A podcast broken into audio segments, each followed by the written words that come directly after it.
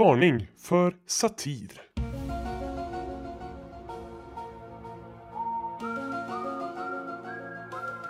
Det här är vetenskaps och konspirationspodcasten Ledley Kings knä. Vi fick i veckan ett mycket intressant tips. Ett tips som skulle visa sig vara toppen på ett isberg och som skulle ge viktiga insikter i det mänskliga psyket. Tipset handlade om en teori om att det skulle kunna vara samma mänskliga processer i psyket som gör att man tycker att allt är regeringens fel, som gör att man tycker att allting i Tottenham är Daniel Levis fel. För att göra en noggrann och vetenskapligt korrekt undersökning med hög trovärdighet gjorde vi därför en unik undersökning. Vi letade rätt på en person, vi kan kalla honom för Conny. Conny sitter varje dag på Facebook och Twitter och kommenterar på Aftonbladet-artiklar om att allt dåligt som händer är Stefan Löfven och Miljöpartiets fel. På lördagar och söndagar kan man också hitta Conny på sociala medier där han skyller Tottenhams uddamålsförluster och dåliga spel på Daniel Levy. Vi ringde upp Conny för en intervju för att djupdyka i vår forskning. För att skydda Connys identitet har vi pixlat hans ansikte i den här poddintervjun. Conny heter egentligen någonting annat.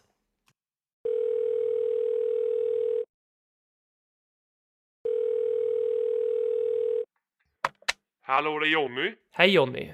Om jag säger coronaviruset, vad säger du då? Det är den jävla regeringens fel som försöker hitta på ett problem som inte finns för att maskera att de gör ett sånt jävla dåligt jobb. De här jävla batikhäxorna, de har ingen aning om vad de ska göra och egentligen är det invandringsfel alltihopa det här. Okej. Men du, om jag säger att Wolverhampton bara hade tre skott på mål och gjorde tre mål på Tottenham och vann på Tottenham Hotspur Stadium, vad säger du då? Ja, det är Daniel Levys fel. Han bryr sig bara om pengar. Han, ha- han hatar att det går bra för Tottenham för då måste han köpa nya spelare. Han, han vägrar att köpa bra spelare utan han köper bara hittepåspelare som ingen hört talas om och så man måste googla. Okej, tack för att du ställde upp i den här undersökningen. Bara får jag fråga, vad ska du göra idag då? Ja, nu, nu ska jag gå till jobbet, du förstår jag. Jag jobbar på Postnord. Okej, ja då förstår jag att du är van utmaningar. Jo, absolut. Jag, jag tycker bilden folk har av Postnord är lite fel. Vi har, vi har såklart utmaningar, men vi gör mycket rätt och, och till komplexa problem så finns det sällan en enkel lösning. Så man måste våga ha lite tålamod och vara lite konstruktiv i den här debatten kring, kring oss på Postnord, tycker jag. Eh, Okej, Okej, tack. Kort efter att den här intervjun med Conny hade spelats in fick vi ett samtal. Det var från en finsk medborgare, tror vi, som hette Illu Minati. Han ville diskutera våra fynd. Mer om det i nästa veckas avsnitt i Vetenskapspodcasten med hög sanningshalt Ledley Kings knä. Hi, this is Ledley King, and you're listening to the Ledley Kings Need podcast. Podcast. Podcast, podcast, podcast, podcast, podcast. Hör upp, kamrater. Håkmans soldater. Käka liljevita oblater. Och drick dina kolhydrater. Konsekvent, inkonsekvent. Det bästa som någonsin hänt. Du kommer aldrig bli dig själv igen, min vän. Här flödar hybrisen.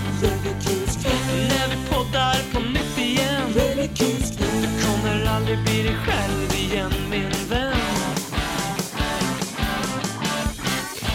Du har rattat in den ångestladdade podden om eh, de halta och lytta spelarna i Tottenham Hotspur. Det här är Ledley Kings knä som eh, har fyllt sju år i veckan. Eh, och det firar vi genom att lotta ut två stycken biljetter till Tottenham-Everton den 11 april. Du kan tävla och på fredag den här veckan så drar vi vinnaren. Vad fan kan vara bättre än att åka till norra London och titta på när Tottenham tappar greppet om sjätteplatsen? Eh, jag kan inte tänka mig så mycket roligare saker än det. Om, om du som lyssnar på det här också retweetar avsnittsinlägget för det här avsnittet så har du en ytterligare chans, det vill säga då dubblerar du din chans att vinna. Det här är någonting som vi bara kommer säga i den här podden för att gynna dig som lyssnar. Eh, så exklusivt för dig som lyssnar på Rally Kings knä. Eh, följ instruktionerna på vår Twitter eh, och i, retweeta det här inlägget och, och, och då får, har du då helt enkelt större chans att vinna. Vi ska tacka Kagan, våran eh, sponsor faktiskt för det här. Kagans buss. Eh, han hörde av sig och ville eh, stötta podden helt enkelt och då kom vi överens om den här lösningen som vi hoppas blir bra ehm, för alla parter. Hur som helst, Robin heter jag och med mig idag har jag mannen som delar efternamn med eh, den gamla Färjestadslegendaren Rickard Wallin. Ingen mindre än musikgeniet och den ständige tänkaren som nu har fått en ganska lång introduktion här och jag behöver gå upp i ton också för att kunna avsluta det här bra. Joakim Wallin! Tack. Andas. Andas. Andas. Vet du vad jag har i min kyl? Eh, vad har du i din kyl? Du har... Eh, du kanske har en, en, eh, en kall öl. Nej, jag har en, en kall champagneflaska som jag fått av dig. Just det, den har, du har kvar den. Ja. ja, jag ber om ursäkt. Kan du berätta om eh, sammanhanget? Ja, ska vi göra det? Ja, vi spelade ju... Tottenham spelade ju Champions League-final i, i eh, somras. Precis. Och eh, jag tyckte att det var värt att fira bara det. Så att jag tog ju med mig en, flaska champagne och sa att den här öppnar vi oavsett hur, hur, eh, hur matchen slutar. Det gjorde vi inte. Nej, fan, det blir deppigt. Men eh, ja, du får ta den i år. Champagne, man brukar ju säga att viner eh, blir bättre med åldern, men jag tror inte att den är sju år som den här podden, men eh, den kanske blir det. Jag vet, inte hur, lång, hur länge den kommer stå där i min kyl tills vi vinner någonting. Ja, jag- har en kompis som håller på Aston Villa. Han har någon slags eh, Aston Villa-vin som han har fått för typ eh, 25 år sedan som han säger den här ska jag öppna när vi eh, vinner ligan. Blev han sen- inte lite... Blev han, nu var det väl inte Villa som vann Championship, de gick upp, men han måste ju varit lite sugen då, eller? Han var det. Han försökte ju, eller jag tror att han faktiskt omformulerade det där. Alltså jag har inte sagt vilken liga. Så att han var ju liksom på väg att eh, börja hoppas. Men Mm. eh, det löste sig. Villa kan ju mycket väl eh, åka ur i år och då har han en chans kanske att dricka den ja, Mm. en tid här när de, om de lyckas vinna Championship sen då. Mm. Jag tycker vi kör igång för det här avsnittet innehåller mer material än vad en plankstek stekt av en Tottenham Sweden chattforumanvändare iförd Tottenham Sweden förkläde innehåller kalorier främst i form av grönsaker som man kan linda in i bacon. Vi ska ju prata om eh, Wolverhampton-matchen, en Dombele, eh, Erik Dyers opolitiska korrekthet.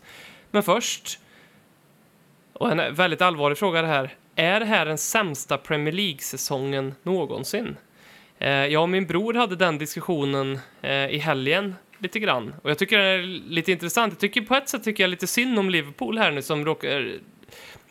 På ett sätt är det synd om dem, på ett sätt är det också lite rätt åt dem. Ehm, jag kan inte liksom, jag, jag pendlar fram och tillbaka i vad jag tycker.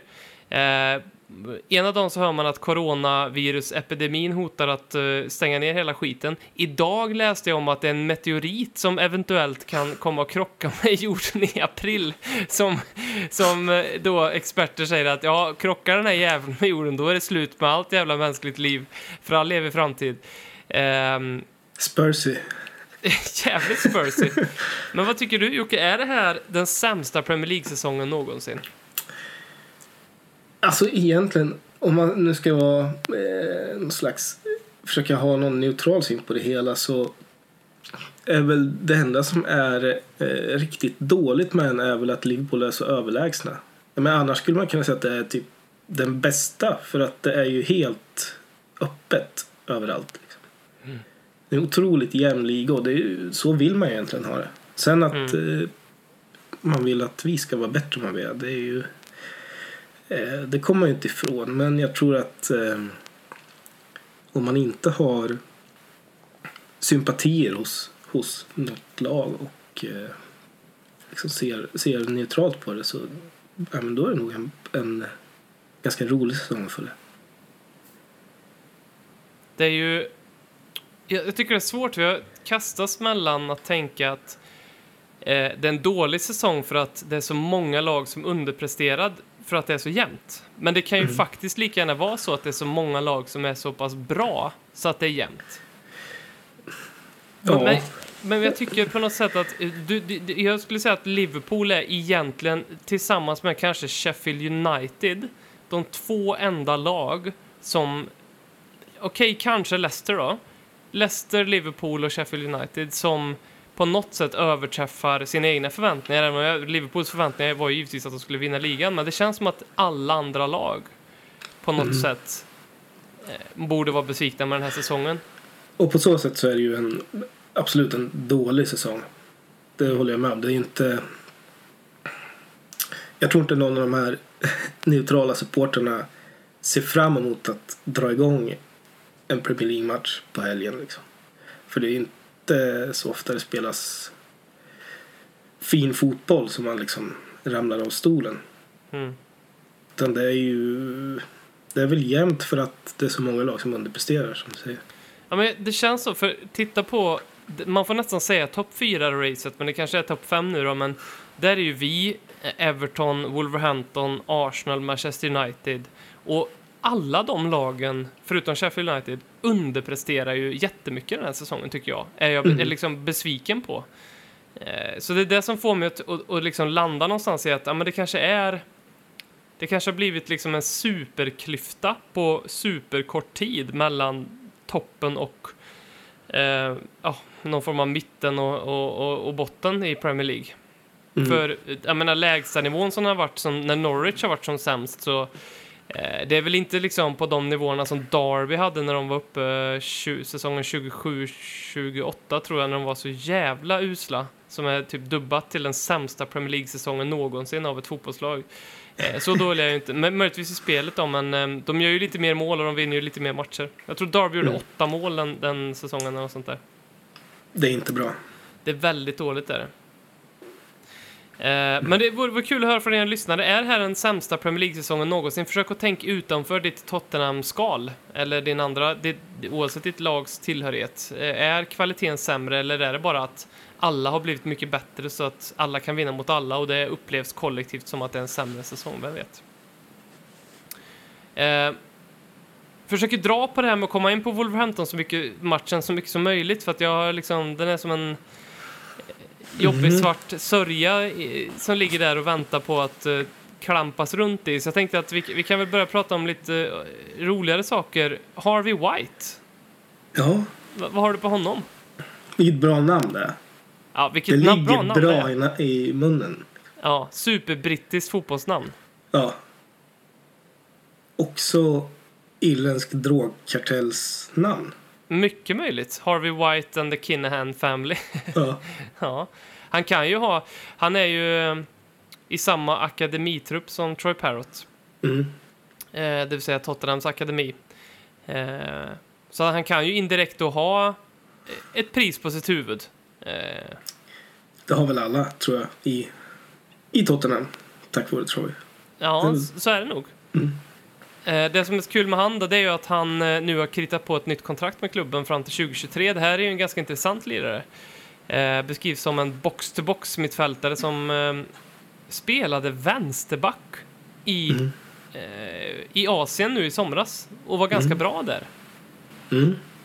Och eh, så, väldigt passande också så med det namnet eh, så är han också en eh, expert på fasta situationer.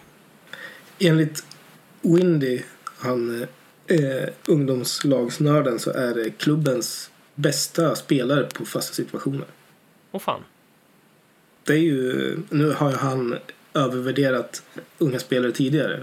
Windy kan jag säga, men det är ju lovande. Eh, Helvete fin vad- vänsterfot tydligen.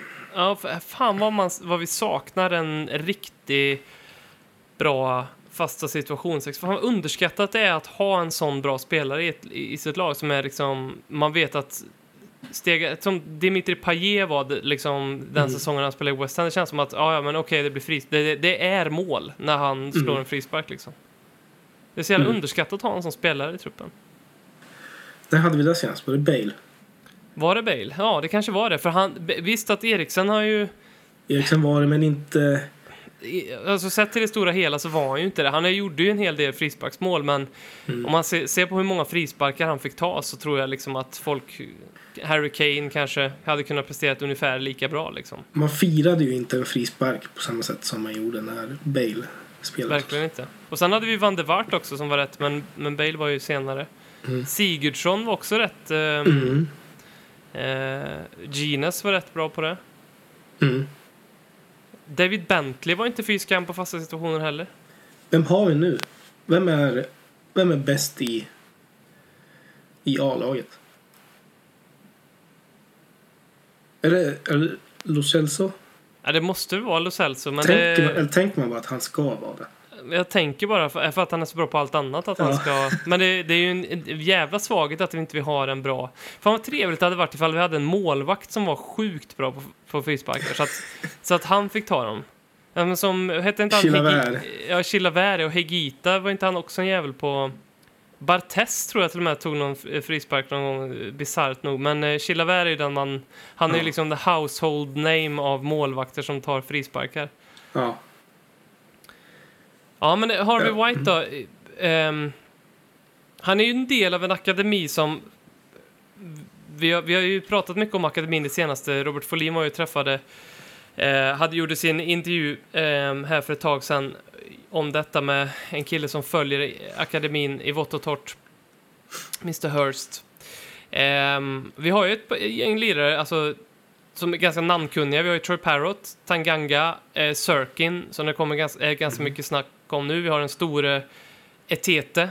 Eh, och sen J. Neil Bennett som alla känner igen eftersom han gjorde det där första målet på nya arenan.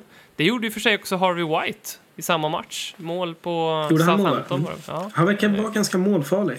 ja. Borde vi ge fler akademispelare chansen? Vad, vad, vad tycker du?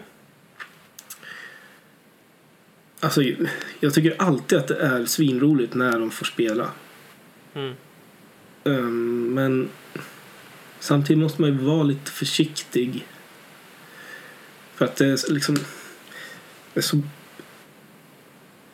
Karriär är så, är så bräcklig i den, liksom, i den tidpunkten när man är så här unga och lovande. För det, liksom, det kan gå fel så, så himla lätt. Att de bara gör en dålig match och sen bara blir de hånade och så är självförtroendet borta. Liksom.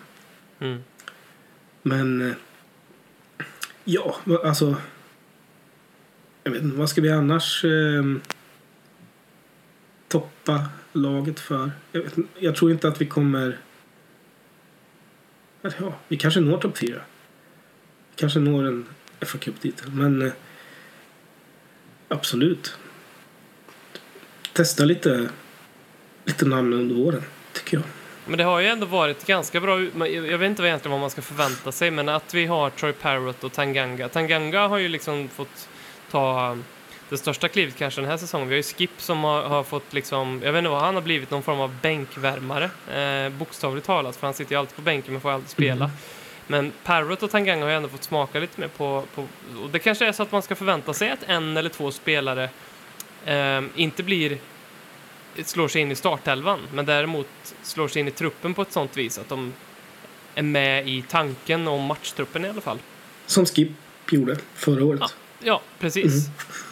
Ehm, och sen är det ju ändå, jag tycker det låg väldigt mycket i det här som kom fram i den här intervjun som Folin gjorde här, att eh, vi satsar på spelare från andra europeiska ligor som vi gärna betalar väldigt mycket för och bara liksom en värvning i sig gör att man skriver upp förväntan på en spelare så mycket. Eh, Medan vi har de här spelarna som på ett sätt är helt kostnadsfria för oss. Och, och jag tror att är det ett gäng som verkligen be- vill bevisa sig så, så, eh, så kan man ju titta i, i ungdomsleden. Mm. Men jag ser fram emot Harvey Whites debut. Bara för att han heter Harvey White och är en mittfältare som är bra på fasta situationer. Jag vill hypa upp honom lite nu kände jag. Ja, men ja, det, det är väldigt eh, lockande att se honom spela. Jag vet inte vem han ska liksom kampera ihop med. Eh, Det kittlar ju lite av ett mittfältspar som heter Harvey White och Harry Winks. Eller hur? Men eh, jag vet inte. Kanske blir totalt översprungna. När man hör namnet Det Harvey blir vi White... oavsett. Så att, fan, kör. Fan spelar det för roll liksom? Eh, när man hör namnet Harvey White, då tänker man ju osökt på The Ghost of White Hart Lane, nämligen John White. Just det. Han gjorde ju 180 matcher för klubben. Eh, på 60-talet vann två FA-cupguld. Eh, Europeiska cupvinnarcupen. Många landskamper för Skottland gjorde han också. Ehm, kallades för The Ghost of White Hart Lane för att eh, han smög runt som ett spöke på plan. Vad nu fan det innebär egentligen. Jag, jag tror att han typ dök upp plötsligt på, liksom, vid fa farliga situationer utan att någon riktigt förstod hur han hade tagit sig dit. Så har jag tolkat men Också, en, också en jävligt underskattad spelartyp alltså. sådana smeknamn finns inte heller längre. Nej, det är verkligen inte. Vem fan, vem, vem fan sitter på nästa stora smeknamn i Tottenham Hotspur? Just nu känns det ju bara liksom, jag, vet, jag vill inte ens gå in och öppna den dörren vad vi ska ha för smeknamn på våra Det är spelare. idag. ingen, ingen nu som skulle få ett positivt smeknamn tror jag. Ja, men nej, det är ju inte det. Det är Ndombele är närmast ett smeknamn och det kommer inte vara snällt. Ronald McDonald. eh. John White, en av de bästa eh, spelarna som vi har haft i, i klubben, han var så bra så att Bill Nicholson berättade för honom efter att Tottenham vunnit dubbel 1961 att han skulle vara den som Bill ville bygga laget runt. Eh, men, och eh, så blev det ju inte riktigt, för att sen så innan säsongen 1964, eh, tror jag det var, så stack John White, ut, John White ut och spelade golf och eh, det blev storm. Eh, och han tog eh, skydd under ett träd som träffades av blixten. Eh, och han dog. Eh, hur jävla Mm. osannolikt det nu eh, kan, liksom, kan vara att dö på ett sånt vis, men han gjorde det. Eh, 27 där och år gammal. 27 år gammal i höjdpunkten på sin karriär. Ja, oerhört tragiskt. Verkligen. förstås. Pratas det för lite om John White kanske? Ja, det tycker jag väl. Nu har vi gjort en insats här och nämnt honom. Ja, hans, eh, hans son, det, det är en väldigt rörande historia. Jag kan faktiskt rekommendera er att eh, eh, söka upp det här. Men John Whites son Rob White var bara sex månader gammal eh, när hans farsa dog. Eh, så han har ju liksom växt upp med att alla har vetat vem hans pappa var, fast han själv har ju aldrig känt sin pappa. Nej. Eh, så det är många som har sett han spela och liksom kunde... Så han, han fick en liksom så konstig relation till sin far för att alla kunde beskriva för honom hur han var, förutom han själv, som var hans son. Ehm, Det finns en bok va? det finns en bok, Om ehm, det, som, som Rob White har skrivit. precis, som som, aldrig han träffat sin farsa. Mm. Heter den Ghost of White Lane? Jag tror den heter Ghost of White Lane. Mm. Eh, och vi fick in... eh, Nu, nu, nu, nu, nu spinner vi vidare här innan vi, innan vi vågar gå vidare in i Wolf-segmentet här. Jag tycker Eh, vi, vi är ganska bra på att skjuta det framför oss ändå. Den här Faktiskt. bajsbollen som bara rullar vidare Jag är lika bra på att skjuta upp problemen som en heroinmissbrukare här just nu. Eh, men vi fick en fråga från eh, min pappa faktiskt, som har Twitter och gillar att hetsa mot oss ibland. Han ville att vi skulle prata, med, prata om Cyril Knowles brother. Cyril Knowles var ju också en spelare som spelade med John White i Tottenham på 60-talet. Eh, och Cyril Knowles är ju en av de som har gjort en, en jävla massa matcher, om man får säga så på ren svenska, för Tottenham. Eh, han är den som har gjort femte flest eh, matcher för, för oss. Eh, men det intressanta med Cyril Knowles är ju hans bror. Va, vad har du på Cyril Knowles bror? Ja, det är väl så. Cyril Knowles var väl ganska... ehm, vad ska man säga? Trist som person.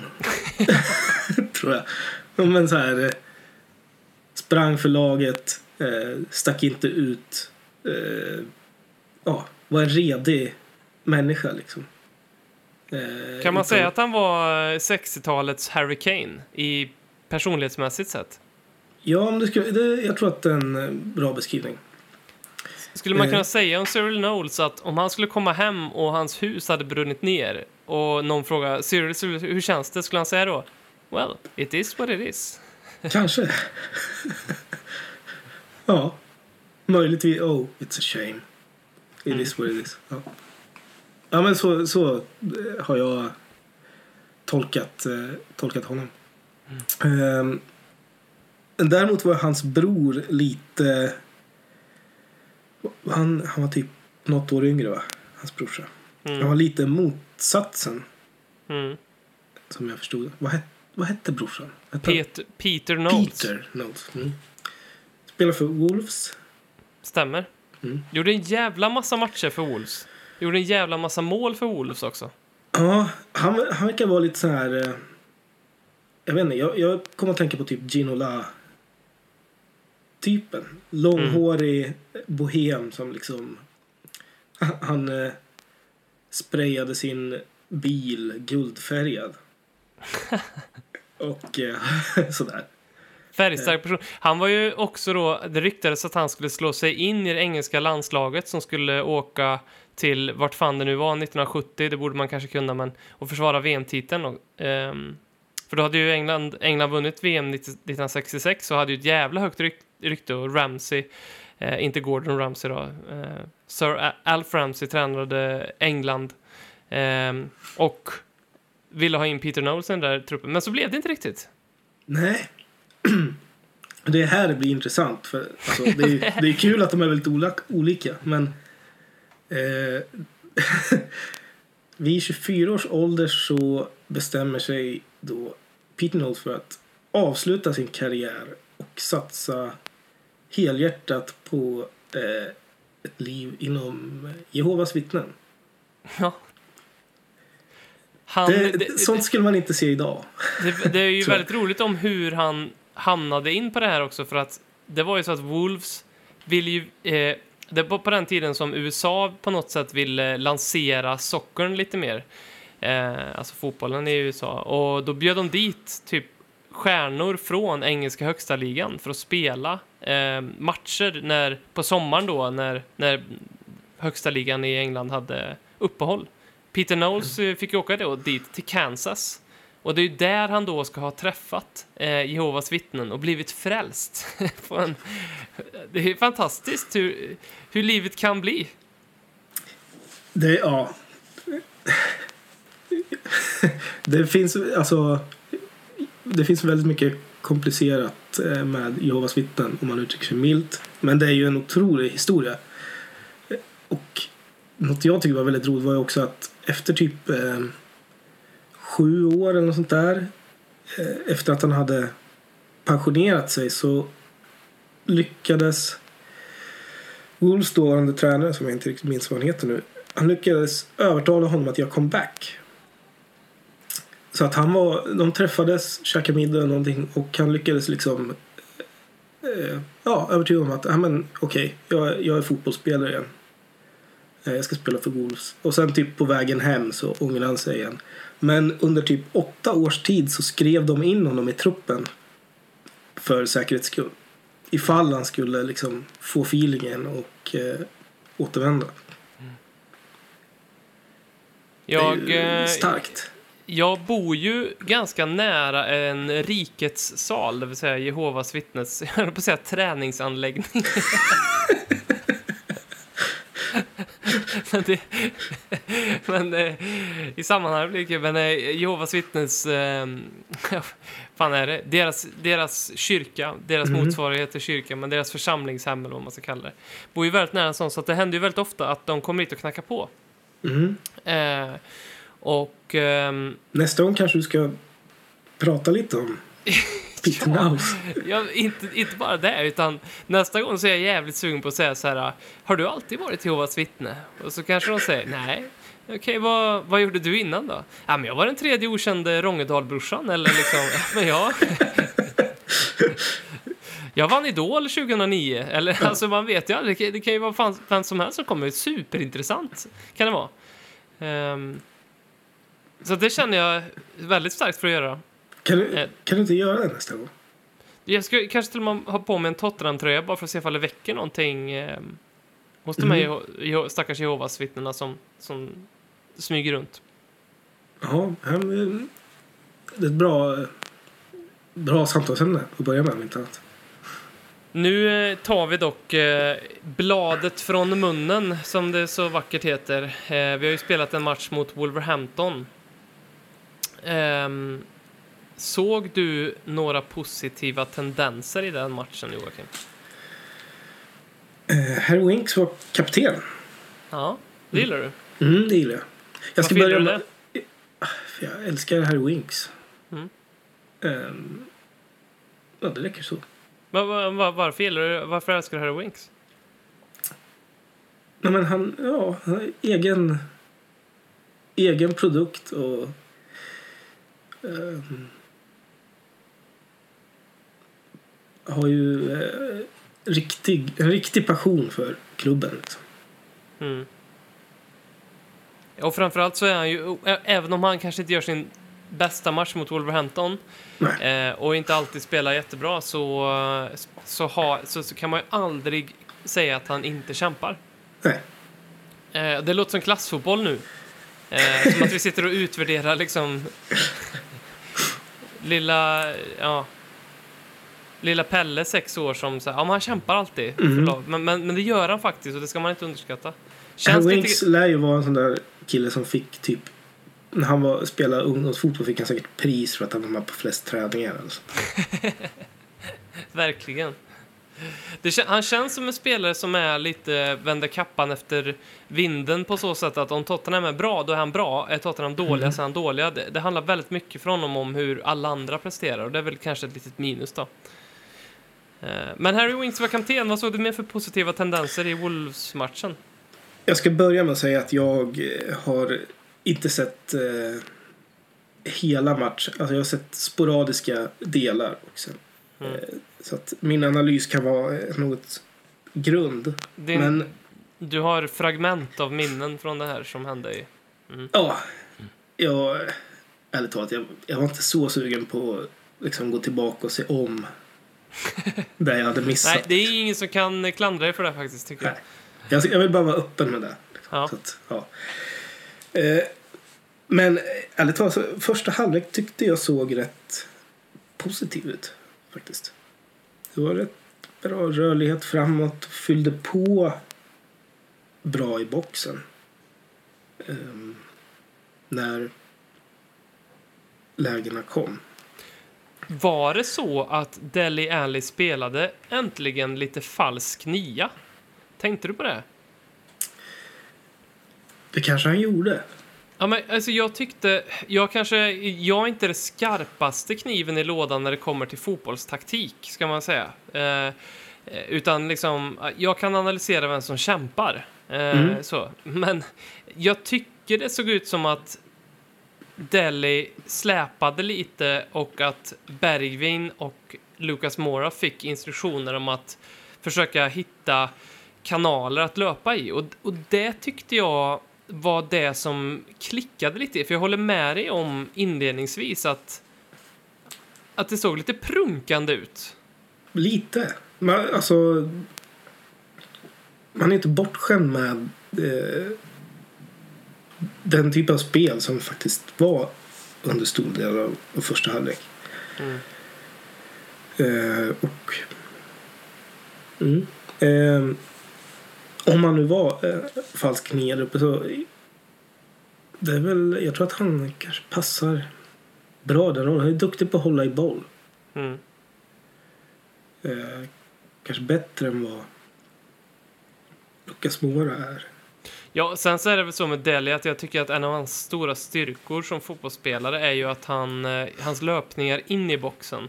Och att han är ju så, även om han är bra på att vårda bollen, så är han ju nästan bättre tycker jag i absolut sista tredjedelen när han kommer in och så, så handlar det om att han ändå ska slå en passning fort som fan eller gå på avslut. För det, där tycker jag han är alltid stark. Han hittar någonting nästan alltid så fort det händer, så fort liksom eh, bollen kommer till han i, i, i motståndarens straffområde. Mm.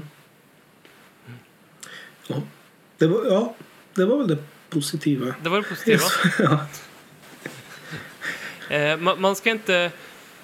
Vi, vi, vi var inne på det tidigare tror jag här, men att Wolverhampton hade tre skott på mål och så gjorde de tre mål. Mm. Men vi lärde oss också efter matchen att eh, något som George Francis Nkodu twittrade om dessutom, att man ska inte alltid ta stats på allvar. För eh, eh, hade, det var någon som, en jag älskar sån här statistik. Eh, det var någon som hade räknat ut George Nkodus målfacit. Eh, och hade inte vi sålt honom så hade han gjort 142 mål eh, den här säsongen. Eh, med det med tanke på den, det målfacit att han har ha, haft för oss då, den här säsongen. Jag minns inte att han har gjort mål ens, men jag vet inte om det är någon träningsmatch som räknas eller något sånt där. Men Fan eh, vad man gillar att han retweetar en sån sak. det gör man ju, och, och att han driver med det också. Ja. Eh, ja. Men Mo- Mourinho sa efter matchen en sak som jag som jag eh, för en gångs skull höll med honom om. Jag har slutat kolla på Mourinhos presskonferenser för jag, jag tål det inte. Nej. jag eh, har fortfarande inte... När Mourinho kom in så värderade jag situationen och honom som att det är lite upp till bevis. Och det är det fortfarande för mig. Eh, jag är fortfarande i läge, men pendeln har börjat svänga lite mer negativt för mig kring Mourinho. Och det, det är inte så mycket utifrån resultaten, för de har han underpresterat i, tycker jag. Men det är, eh, är- laget han har ärvt, om vi ska vara helt ärliga, så tror jag, att inte, jag tror inte att Pochettino eller många andra tränare hade gjort det speciellt mycket bättre än vad Mourinho har gjort. Resultatmässigt. Kanske, kanske ingen som skulle ha gjort det bättre dessutom. Vi är fortfarande på ett, med liksom ett litet halmstrå kvar i en topp 4-strid. Så, eh, där, det får man fan igen. Eh, det har han gjort bra. Men utan det, det snarare handlar om eh, det är att jag, jag tycker att eh, han har en, en, en förleda, förlegad ledarstil ehm, när det kommer till vad, liksom, vad han säger i presskonferenser. Det handlar om honom. Jag förstår att det kanske är ett game. Jag förstår att han kanske säger till spelarna så här, hörni, vet ni vad?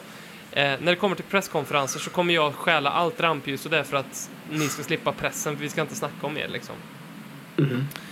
Ehm, och det här, det här, jag klarar inte av det här för att jag liksom, det, är som, det är som en mina eh, varje gång en presskonferens med Mourinho eh, ska starta för mig. Alltså snart säger han någonting som jag tänker, det här, kan- det här kan inte vara positivt att han säger. Han har sagt så mycket saker om spelare, att de inte är redo, att de inte är bra nog, alltså han, har- han har så. Men han sa ändå en sak som jag tycker stämmer väldigt bra i den här presskonferensen som jag såg ett klipp om på på, på Twitter. Sen ska vi komma in på en sak som han sa också som inte alls var bra, eller som vi ska analysera också lite grann, men det var ju en annan presskonferens. Men hur som helst, efter Wolves-matchen så sa han att Tottenham är lite för snälla. Eh, att vi måste vara mer ruthless. Vi måste vara mer aggressiva för att kunna stänga såna här matcher. Och jag tycker att det, det ligger någonting i det. Eh, jag tycker det har varit den röda tråden med den här säsongen. Eh, det är att vi inte har klarat av att stå emot när det går lite svajigt för oss. Vi har vikt ner oss för snabbt. Eh, det absolut första exemplet på det tycker jag var Leicester-matchen när vi, jag tycker det är på något sätt för mig en vändpunkt. Det var ganska tidigt in på säsongen. Ehm, vi gjorde 1-0, vi spelade skitbra. Vi var, vi var, det här var ju fortfarande Po- Pochettino-tiden. Eh, sen gjorde ju Aurier mål, eh, som han helt plötsligt har börjat göra av någon jävla anledning. Men Eh, han gjorde mål, Hengmen Son var offside typ en kvart tidigare i något jävla uppbyggnadsspel och VAR dömde bort skiten och det tog ju luften ur våra spelare och Leicester, eh, som alla vet, vände och vann den matchen. Och sen dess, sen jag såg det så har jag sett det så många gånger om vad vi eh, ändrar, låter ett resultat bara skena iväg. Bayern till exempel, Brighton till exempel, det har dämpats under Mourinho. Eller att vi bara låter bollarna rasa in. Det var det första som hände när Mourinho med West Ham, Bournemouth-matchen, nu senast mot Wolverhampton. Vi klarar inte av att stålsätta oss. Nej, jag håller med. Och det, det här förvånar mig ganska mycket. För att jag trodde... När de anställde Mourinho så var jag eh, som så många andra. Det var ju så diskussionerna gick på de flesta håll. De flesta var oroade för hur offensiven skulle se ut. Eh, Mourinho har det här ryktet, eller hade i alla fall ryktet om att spela tråkigt, backa hem, gneta till sig poäng eh, och liksom bara stänga igen bakåt. Eh, och jag trodde väl att ja, det som är det som kommer förändras till det bättre under Mourinho det kommer väl vara just den biten att vi kommer bli bättre på att va, ja, stänga bakåt och sen kommer vi antagligen ha problem framåt speciellt efter skadorna på, på Harry och på Son. Vi kommer säkert ha problem i offensiven men vi kommer i alla fall inte släppa in en massa skitmål. Och eh, så har det ju inte varit tycker jag. Det, det ser ju otroligt förvirrat ut i backlinjen. Nu roterade vi ju lite nu mot Wolves men det, har inte, det spelar ingen roll vem som spelar. Jag menar, Toby har ju sett stundtals ut som han inte liksom har någon aning om vart han ska vara. Får inte tala om Vertongen den här säsongen. Ja. Och det, ja. Som sagt, det, det förvånar mig. Någon som har spelat mittback eh, mot Wolverhampton eh, var ju, er, eller en som spelade mittback mot Wolverhampton var ju Eric Dyer. Ehm, och han sa efter matchen att nu vill jag inte längre vara politiskt korrekt. Nu vill jag säga som det är. Min bästa position är mittback. Stämmer det att Eric Dyers bästa position är mittback först och främst? Ehm. Uh, yeah jag tror att det kan bli. Jag tror att han har en poäng, eh, även om jag inte riktigt förstår eh, uttrycket politiskt korrekt när det kommer till att prata om, om sådana saker. Men jag tror att han eh, har en poäng i att han kanske har varit splittrad mellan två olika positioner. Eller att vara liksom mer allround och rätta sig efter eh, behovet för laget. Och det har nog kanske eh, inte varit så positivt för hans egen utveckling. Mm. Eh, och han, jag läste också en intervju och då pratade jag om att han och Pochettino hade haft väldigt mycket diskussioner om det här också. Och att det var en... De tillsammans hade haft samma uppfattning om det. Att ja, du ska gå över till eh, att enbart vara mittback för att det där det är där du kommer vara bäst. Liksom, eller där du är, har eh, dina största styrkor. Ehm, jag tror att det, jag hoppas att det kan bli bra. Han behöver ju liksom få någon slags eh, renässans, en nytändning. Mm. Men är det verkligen motsatsen till att vara politiskt korrekt och säga att han vill spela mittback? Nej, I hans värld kanske det är det. Jag vet inte. ja, kanske. För han måste vara ändå helt ärlig med Eric Dyer känns ju ändå som en person som inte är särskilt rädd för att, vara, att inte vara politiskt korrekt. Så. Nej. Jag, han, han gjorde en lite längre utläggning om det där eh, senare och då var, förstod jag lite vad han menade för att då sa jag att nej, men, jag har hela tiden sagt att jag, jag ställer upp och spelar där det behövs och jag, för mig spelar det ingen roll vart jag liksom, där tränaren behöver mig, där spelar jag. Och på så sätt, det är väl politiskt korrekt liksom. Men eh, Mm. ja, nu får vi kanske se en lite mer eh, rätt fram och ruthless Erik Dyer. Det vore ju fint. En lite mer opolitiskt korrekt Eric Dyer. Ja. Vi ska reflektera kring ett påstående som eh, Simon Finne har skrivit Mm. till oss på Twitter. Vi eh, måste bli mycket bättre på att spela, eh, förlåt, att sälja spelare i rätt tillfälle. En riktigt bra sportchef skulle sälja Dele nu i sommar och återinvestera i truppen. En riktigt bra sportchef hade hanterat Eriksen-gate mycket bättre och sålt tidigare. Eh, detta påståendet vill Simon att vi ska reflektera kring. Jag kan inte komma på något annat än att säga än att jag tycker att det är klockrent. Jag tycker att eh,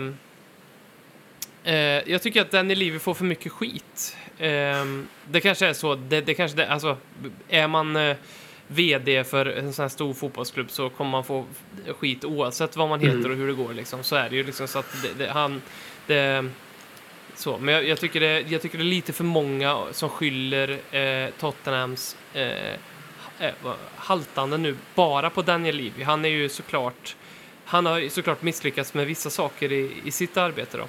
Mm. Eh, och en av de grejerna skulle kunna vara att han borde ha förstått att det är inte han som ska sköta transfer eh, grejen med Tottenham Hotspur, det ska en sportchef göra. Eh, det är inte en manager som ska göra det, utan det är en sportchef. Eh, han har ju testat det här ett par gånger.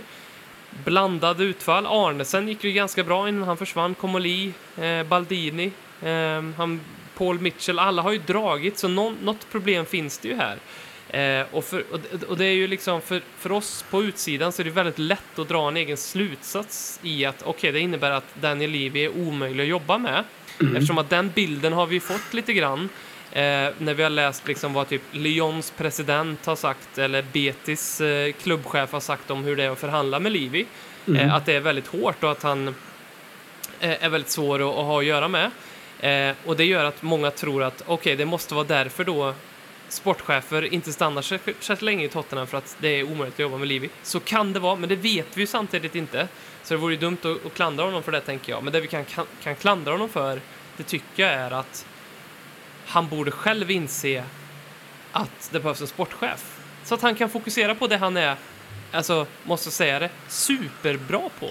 Eh, bygg, bygg, bygga företaget och liksom infrastrukturen kring Tottenham Hotspur.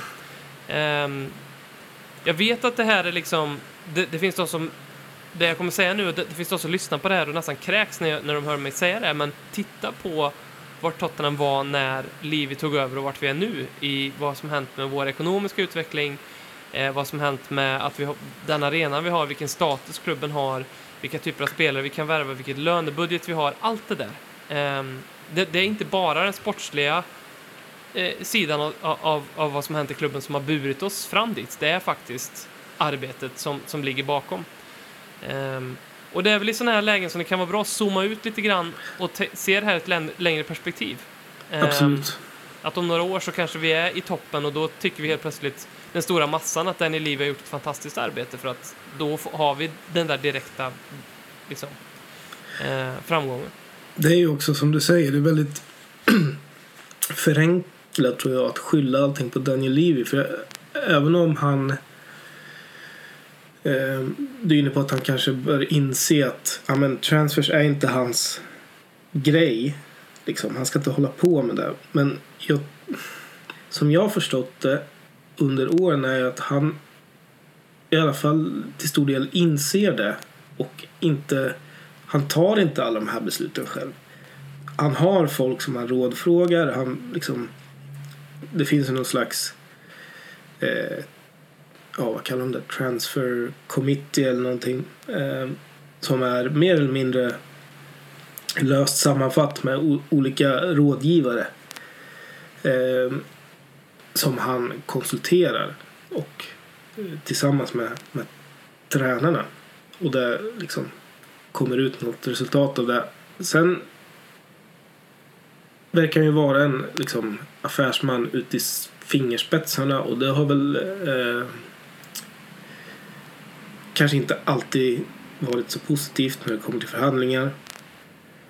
Det har man ju hört många stories om. Jag vet, det, problemet är ju också att man vet ju inte alls liksom, vad som stämmer. med det här. Det pratas mycket om att men vi kunde köpa Jack Grealish för 4 miljoner pund. Eller något sånt där. Och att det, var- det var klart men så började Livi pruta och sådär. Och ja, det hade vi kunnat gjort men det var ju också så att de, vi var överens och sen så förhalade Aston Villa det för att de bytte ägare.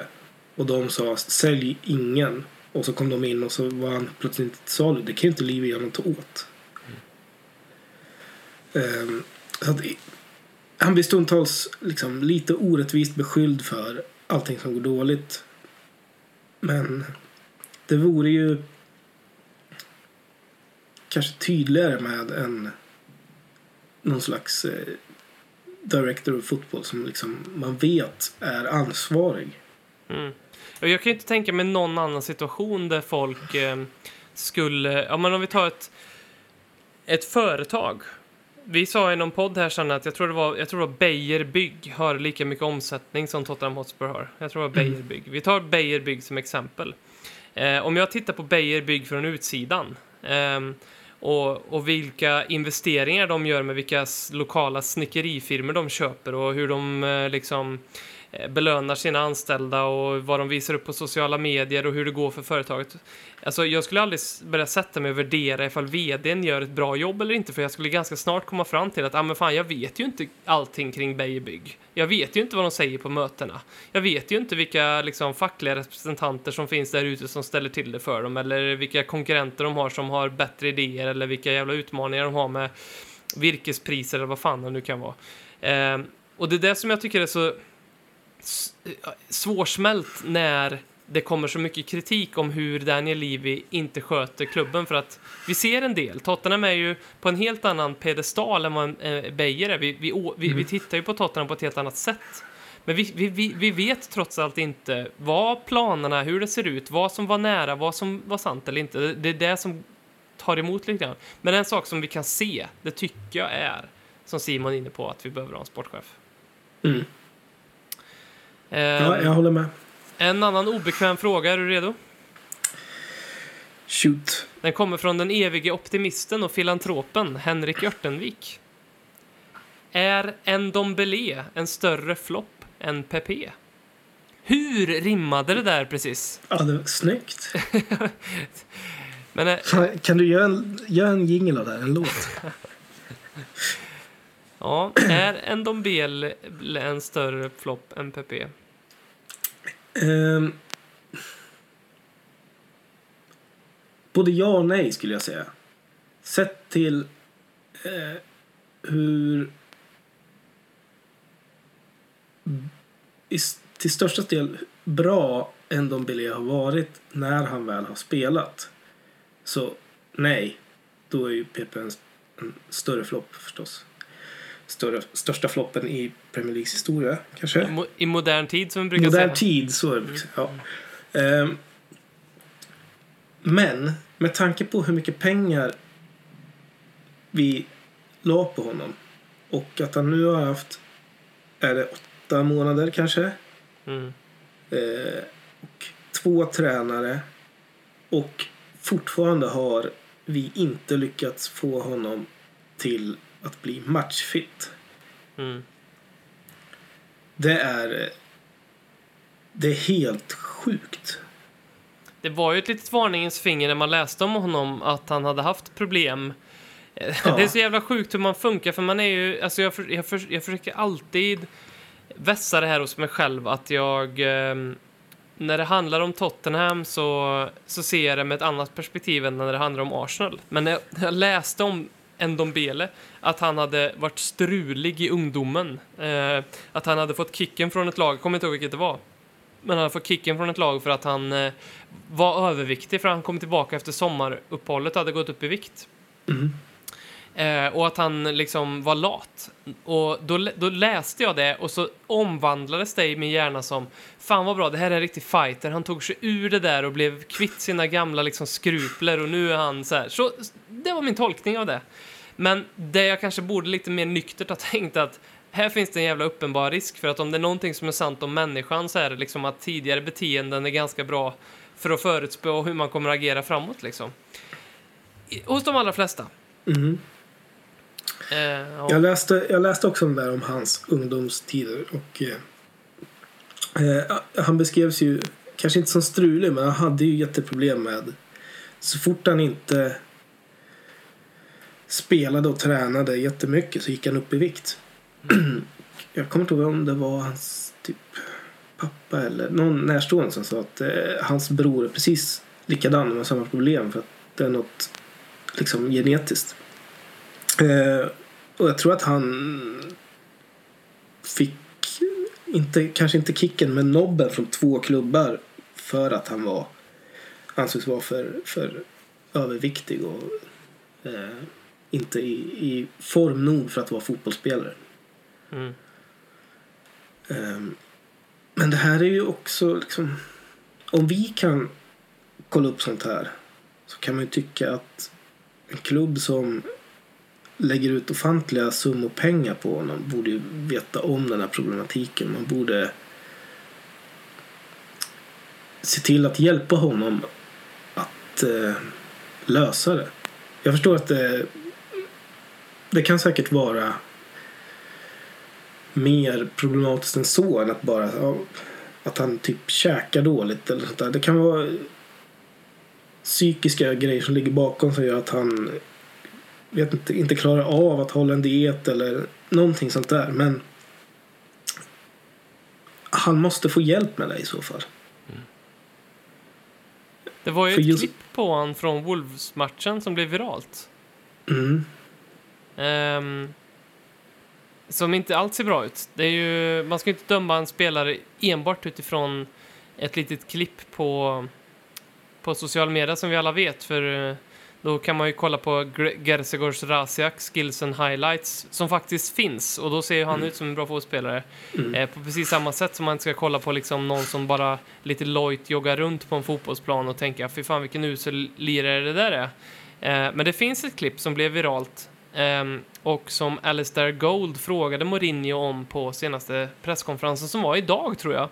Ehm, och Mourinhos reaktion, alltså Alistair Gold la upp frågan som, ja men du vet säkert om att det har eh, eh, ett klipp har blivit viralt på Tanguy Ndombele när han springer runt och eh, inte hinner med helt enkelt. Och Mourinhos reaktion på den frågan är inte speciellt bra. Nej, det är alltså ärligt talat, det är två riktigt sviniga insatser i det här. Det är ju dels Alistair Gold som uppenbarligen fiskar efter han vill ju göra en grej av det här. Mm. Eh, och det kan jag tycka är ganska uselt gjort. Eh, men Mourinhos reaktion är ju... Ja, alltså... Jag tror inte att det är någonting som gör... Som kommer lösa situationen. Han börjar alltså... Ja, men han typ sitter och garvar i princip. Och Mm. säger väl något sarkastiskt typ Yes, but uh, Jota is very, very fast. Och så garvar han igen. He's very, Mm. very fast. Ehm. ja, det... Ja, men det är i de här lägena som jag önskar att, eh, vi pratade om att vara politiskt korrekt förut, men det är som jag önskar att och Mourinho skulle vara mer politiskt korrekt. Det är i de här lägena liksom jag önskar att han skulle säga, ja jag har sett, alltså, man, man, kan också vara lite, ta ett steg eh, liksom i, man behöver inte vara helt eh, superpolitiskt korrekt. Man kan säga, ja jag har sett det klippet, då ser ju såklart inte bra ut, men jag vet att Tanguy är liksom ett superproffs och eh, jag litar fullt på honom eh, att han bla bla bla. Liksom. Så jag, jag tror att det är en bättre väg att gå än att liksom ehm, reagera så som man gör på den frågan. Ja. Men Eller- eh, Jag kan vi- tänka mig, Harry Redknapp han hade väl typ He's terrific lad, bla bla bla. ja, aha. Så länge han var på hans, liksom, var på hans sida. Pochettino hade väl typ bara sagt nej men jag har inte sett klippet. Nästa fråga. Mm, Det här är trams. Vilket mm, det är. Men mm. ja, nej, jag tyckte att, eh, så, som du var inne på tidigare, att presskonferenserna med Mourinho är ju Det är så jävla... eh, Det är ett lotteri varje gång. Ehm. Det var, det var länge sedan det var eh, roligt och charmigt att han Ja, visst höll var på det. som Det- han gör. Fan, det, när, när han kom till klubben så, kände, så gick man ju faktiskt på det ett tag. Per var inne på det att Mourinho är den bästa manipulatören där ute för han har fått alla Tottenham-fans att verkligen tro att han eh, har kommit tillbaka som en ny människa. Och han var ju charmig och rolig, men nu är det ju till, han är ju tillbaka till sitt gamla, till sitt gamla jag liksom. Ja. Eh, han riskerar ju att bli en parodi. Ja, men, han inte redan ja, lite så. För att det är ju liksom... Han gör ju samma grejer som han gjorde för tio år sedan. Och då, när han började med sina... ehm, liksom... Att ta, ta på sig eh, glansen, liksom. Att verkligen ta plats och, och skydda spelarna genom att... Eh, genom att vara den som, som fokuset är på. Det hade man inte riktigt sett då i, i Premier League. Mm. Det blev ju väldigt liksom en stor grej att han, men han sa ju lite vad som helst bara för att ja men där får reaktioner då liksom Mm. avlastar jag spelarna och jag vet inte, han kör ju fortfarande på samma teknik och jag vet inte om det vi är inte riktigt kvar där. Nej. Nej. Vi ska avsluta med eh, en fråga från eh, Allan Josef. Han har skrivit att vi har två frågor som måste besvaras. Så att då får vi väl ta och göra det. Och den ena är när är Håkman tillbaka? Och det kan vi väl säga att det är han ju såklart inom sinom tid. Vi ju, Det har vet blivit... man ju aldrig. Nej, det Vet vet, man- aldrig. Men vi, vi har liksom hållit på med det här i sju år och eh, vi, har vi, har, vi har blivit gamla. Så att eh, det, alltså det som händer med barn och hus och, såna här, och jobb och såna här grejer, det är liksom att eh, man blir trött. Och sk- skiten blir svår att hinna med ibland, så är det ju. Hawkman Ehm, är ju lite som Gandalf också. Han Så är är, en trollkarl är aldrig tidig eller sen. En Precis. trollkarl kommer precis när han... Vad är det de säger? Precis när han... eh, är redo när han kommer. Är Han redo. kommer när han kommer. Ja. Så Håkman kommer när han kommer. Ja. Vi förstår att eh, ni frågar efter honom, för det, är, eh, det, det gör vi såklart också. Vi, vi, vi längtar efter hans återkomst. Men den andra frågan Allan Josef hade, vilka poddar lyssnar ni på? Har du något bra poddtips, Jocke? jag är ganska dålig på. Jag, eh, When We Were Kings är ju jättebra. Beroende på vilket lag det handlar om. Det är mest väntat du har sagt i det här avsnittet. ja, jag vet. jag är ledsen. Uh, fan lyssnar jag mer på? Jag kan flika in med en så länge medan du tänker. Jag är också dålig på, och det är för att jag, jag gillar att lyssna på musik. Så att jag, eh, det, det, det är oftare musik i mina öron än poddar. Men det händer att jag åker till Oslo eller Stockholm på en eh, jobbresa.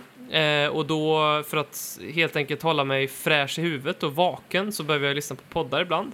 Eh, så då kan jag tipsa om eh, The Peter Crouch podcast. Eh, som, jag vet inte om han gör nya avsnitt, men det spelar ingen roll. Lyssna på hans gamla. Eh, Peter Crouch är ju superkul. Eh, Och det är väldigt mycket anekdoter. Och det går ett högt och bra tempo där. Eh, och varje podd har väl någon form av, ja, men någon form av tema. Så. Sen den Okej. senaste tiden har jag lyssnat på ehm, väldigt mycket uppfostringspoddar eftersom att jag fått barn senaste tiden.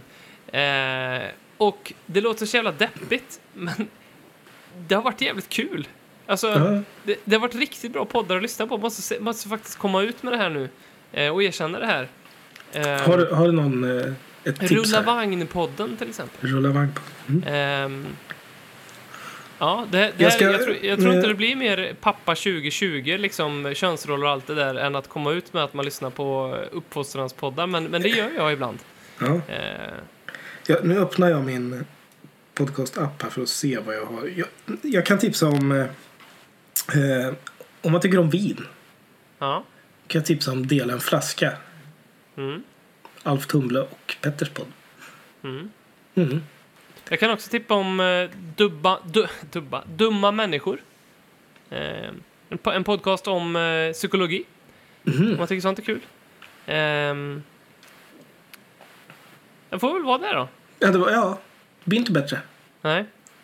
Nestor har också frågat vart fan är Fryken? Är han i staterna och roddar Bernie Sanders valkampanj? Eh, och om vi ska vara lite opolitiskt korrekta här som Eric Dyer så um, sist Per var över i USA och hjälpte Hillary så gick det som det gick så att säga. Per är portad. Så att Per, när det liksom drar ihop sig till, precis, när det drar ihop sig till amerikanskt eh, val här nu, då, då gömmer sig Per. Så att vi har inte fått tag i Per. Så om det är någon som vet vart Per Frykebrant är så skicka ett mejl. Eller hör av er. Ja. Tack så mycket för idag och tack som alltid för att ni eh, interagerar så mycket med oss. Eh, det tycker vi är skitkul. Det är därför vi gör den här podcasten. Det kan vi komma ut med nu också och säga. Ehm, och om du retweetar avsnittsinlägget så ökar dina chanser att vinna två biljetter till Tottenham Everton. Eh, jag kommer att, alla som har retweetat eller taggat någon i den tidigare tweeten skriver jag ner i en lista och sen skriver jag ner igen ifall ni retweetar det här inlägget och på så vis har ni då liksom dubblat era chanser att vinna de där eh, åtråvärda biljetterna som det heter. På fredag så kommer vi att dra en vinnare. Jag planerar faktiskt på att göra en livesändning av det här. Eh, så att alla kan se att det går rätt till. Eh, med en kontrollant och med transparens i ja, allt vad det nu kan vara, lotteriet så. Kanske också något eh, litet roligt firande där på slutet. Jag kan dansa någonting, det är ändå fredag. Det Eh, är jättebra. Det är ju så- riktigt, riktigt äh, ångestfylld match kan det bli. Som man har chans Verkligen. att vinna biljetter till. Ja men verkligen. Alltså, och om det är någonting, det ska jag faktiskt säga, ehm, det är säkert många, jag vet inte vad, men jag tror de flesta håller med mig om det här, men eh, att bevittna en Tottenham-förlust är mycket, jag, jag ska säga så här, är för mig i alla fall mycket, mycket mer positivt på plats än hemma. Därför att eh, det är någonting som gör att det blir så mycket lättare att smälta när man är där. Jag, jag, jag kan inte sätta fingret på exakt vad det är, om det är för att det är en rolig upplevelse i sig, eh, att man får vara där, som, man, som jag, jag inte så ofta, en till två gånger på säsong på sin höjd. Eh, jag vet inte, men det, det bara... Det, det känns mycket bättre att ha varit... Det, eller så är det för att jag själv känner att jag har varit med och försökt i alla fall. Kan det vara att du är ganska full också? Det kan vara det. Det kan det vara. Absolut. Mm. Ehm, det är ju faktiskt inte hemma när jag tittar längre för det, är, det brukar sluta så jävla tråkigt om man somnar efter matchen där. Om man ens ska städa eller göra någon jävla fiskgratäng eller vad man ska göra liksom efter matchen. Så, att, så är det. Tack så mycket Jocke för idag. Tack själv. Ha det bra. Ha det bra.